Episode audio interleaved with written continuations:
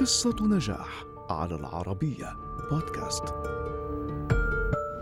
شاب لم يتجاوز الأربعين من عمره وبات نجما يتابعه الجمهور من القارات الخمس. مضيف تلفزيوني ممثل كوميدي معلق سياسي ساخر مؤلف ومنتج وراع للمواهب الشابة.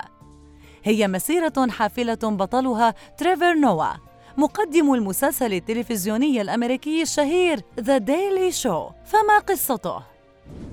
ولد تريفر نوا عام 1984 لأب من أصل سويسري وأم إفريقية. ولسوء الحظ فقد كانت العلاقات بين الأعراق آنذاك غير قانونية ما يسمح للسلطات بانتزاع الأطفال من آبائهم.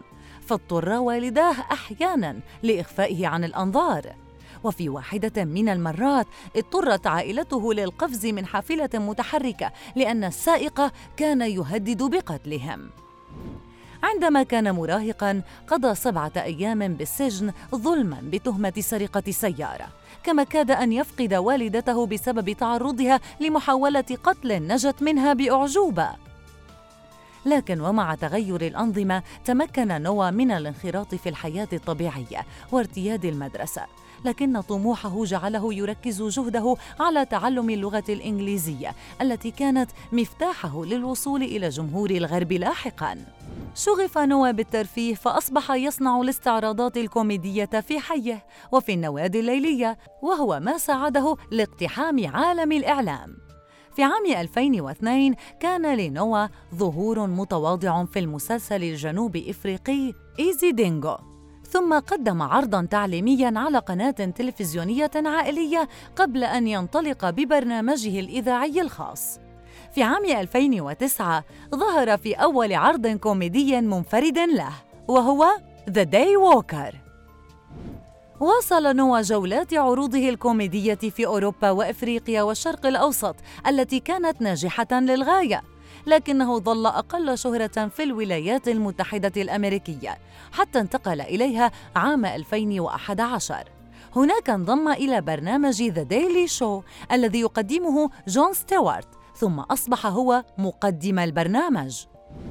أثناء ذلك واصل نوا أعماله الكوميدية ومن أبرزها تريفر نوا Afraid of the Dark Lost in Translation وتريفر نوا Son of Patricia كما أطلق بودكاست في الفكر الآخر On Second Thought في عام 2019 حصل خلال مسيرته على عدد من الجوائز أبرزها جائزة إيمي أند بيبودي وجائزة MTV أفريكا لشخصية العام 2015 توج هذه النجاحات بتأسيس شركة إنتاج دولية كما أنشأ مؤسسة تريفر نوا Foundation بجوهانسبرغ لتنمية الشباب.